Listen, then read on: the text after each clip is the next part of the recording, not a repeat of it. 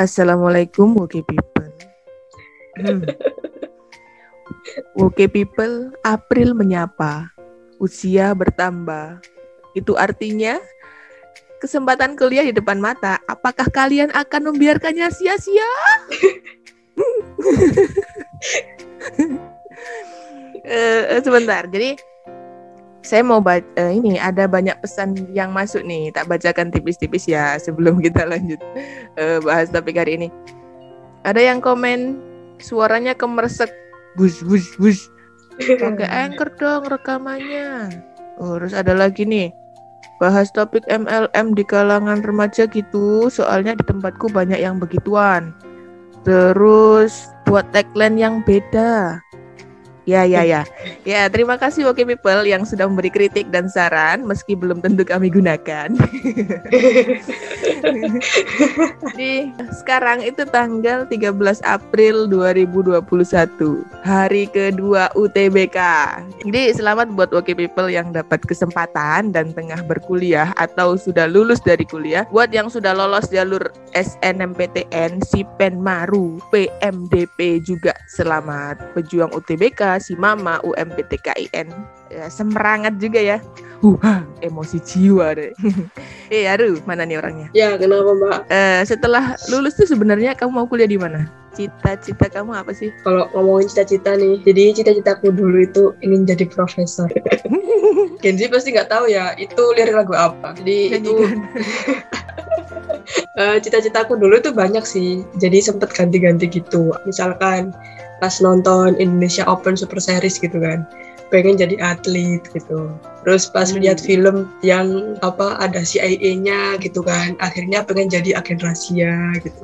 Terus pas lihat film hacker-hacker gitu kan. Akhirnya pengen kuliah informatika. Ya gitulah. Dulu tuh termasuk uh, orang yang suka ganti-ganti cita-cita sih ya ya hmm sungguh mulia cita-citamu yang tidak berpendirian itu. Cita-cita yang mulia dan tidak berpendirian. ya aku ya uh, pengen gitu masuk kedokteran tapi ya mahal jadi kayak ngadi-ngadi gitu ya masuk kedokteran jangankan kedokteran uh, ada cerita sih kemarin yang masuk jurusan soshum dari jalur SNMPTN 2021 aja kena UKT paling murah itu di kampus Surabaya ya itu 6 juta. Sebulan sejuta itu kalau satu semester kan. Jadi itu kalau privat siswa berapa jam buat ngumpulin 6 juta? Eh, kayak belum kebutuhan sehari-hari ya makan ya nugas ya pakai data eh.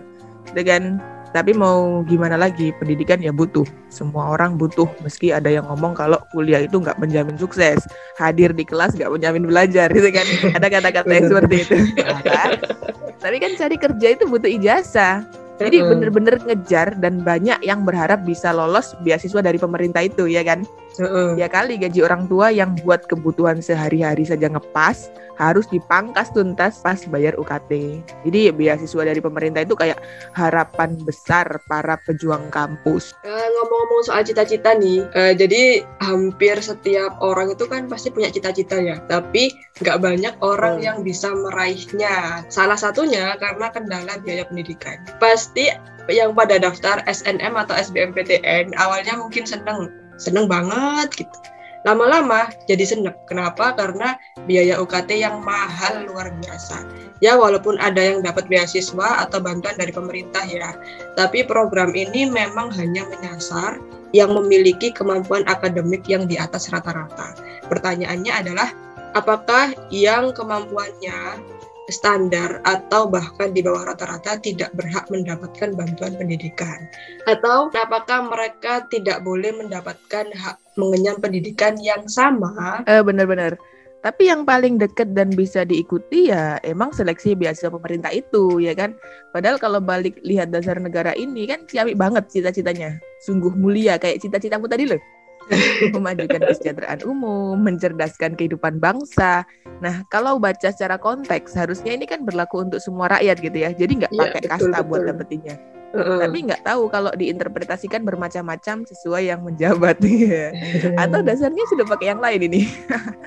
ya betul. Tapi sebenarnya ada nggak sih sekolah itu yang digratiskan di semua tempat yang ada gitu ya di suatu negara bukan gratis karena sekolah milik perseorang atau pribadi, tapi ini Mm-mm. adalah milik negara gitu. Jadi sekolah negeri. Uh, fun fact ya, jadi dulu pada masa peradaban Islam, uh, khalifah itu sangat mengutamakan agar rakyatnya cerdas semua. Anak-anak semua kelas sosial, jadi baik yang kaya maupun miskin, itu uh, diwajibkan untuk mengenyam pendidikan dasar uh, yang terjangkau untuk semua orang. Gitu.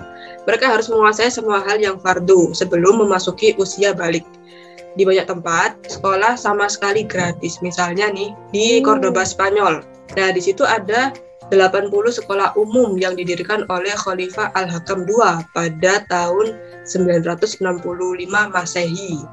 Pun di Kairo, Kairo itu kan di Mesir ya. Jadi tadi Oh, itu oh. di Spanyol, ini di Mesir. Di Kairo itu didirikan sekolah untuk anak yatim dan menganggarkan setiap hari ransum makanan yang cukup dan satu setel baju untuk musim dingin dan satu setel Oh. baju untuk musim panas. Jadi Oh, dapat baju juga. iya itu adalah Hmm. sekolahnya gratis, dapat makanan, dapat baju juga. Jadi mereka itu benar-benar dibuat gimana caranya mereka itu biar bisa fokus untuk belajar saja. Jadi tanpa memikirkan Oh, biaya sebesar komplit ya. Heeh, gitu. Jadi nggak perlu mikir yang lain-lain. Itu bahkan untuk orang-orang Badui. Nah, orang-orang Badui ini kan memang eh, punya kebiasaan berpindah-pindah tempat. Itu Khalifah pun mengirim guru yang juga siap berpindah-pindah mengikuti tempat tinggal muridnya. Bayangkan guru ngikutin murid.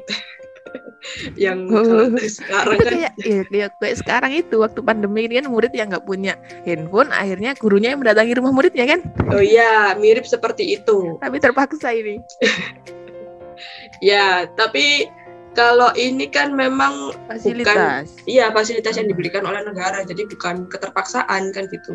Jadi perlu digarisbawahi juga bahwa kampus-kampus pada masa peradaban Islam ini tidak memberlakukan sistem kuota.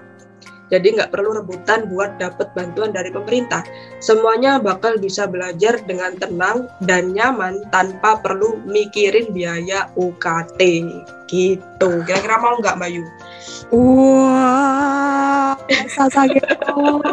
Bisa gitu. Gimana gimana? Jadi kita itu nggak bakal galau lagi gitu ya kalau mau sekolah atau kulisan di jurusan apa baik dan kuotanya melimpah nggak bakal sedih karena nggak keterima dengan alasan kursinya nggak kebagian gitu kan dan nggak harus bawa kursi sendiri dari rumah Ya betul. Terus? Jadi- terus terus orang tua itu nggak perlu pusing mikirin SPP atau UKT gitu kan Ya, Wih, betul sekali. idaman.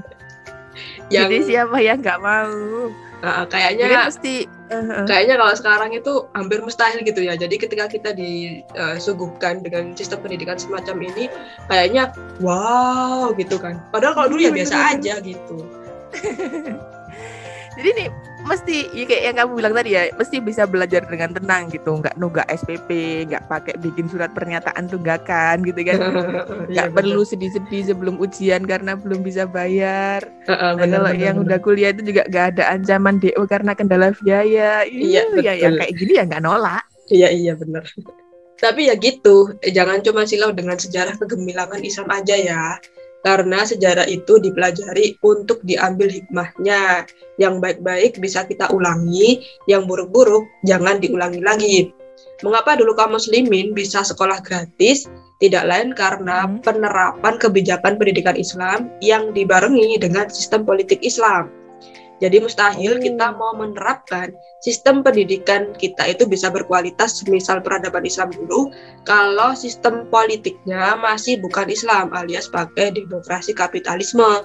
Jadi kalau dalam era Hmm. kapitalisme ini kan memang yang terjadi adalah justru pendidikan itu dikomersialisasi.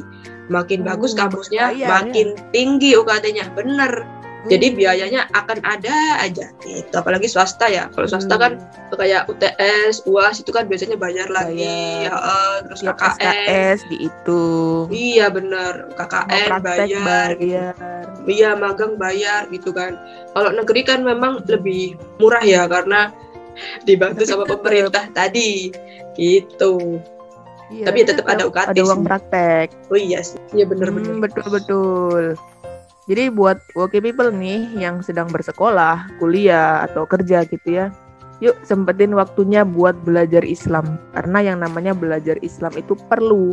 Kalau masih ada yang bilang kalau nggak ada waktu itu bukan karena sibuk tapi memang karena tidak meluangkan waktu. Jadi butuhlah kita itu cerdas nggak cuma di pelajaran akademik saja. Ini yuk deh ambisnya itu diarahin nggak cuma buat dapetin kursi kuliah yang dipengenin tapi dinaikkan lagi tuh levelnya ambis buat masuk surga jadi bervisi surga dan pendidikannya bisa bernilai pahala Iya. Iya. Ya, Moga People, itulah obrolan kita hari ini tentang dunia pendidikan. Terima kasih sudah menyimak. Sampai jumpa di episode selanjutnya. Wassalamualaikum warahmatullahi wabarakatuh.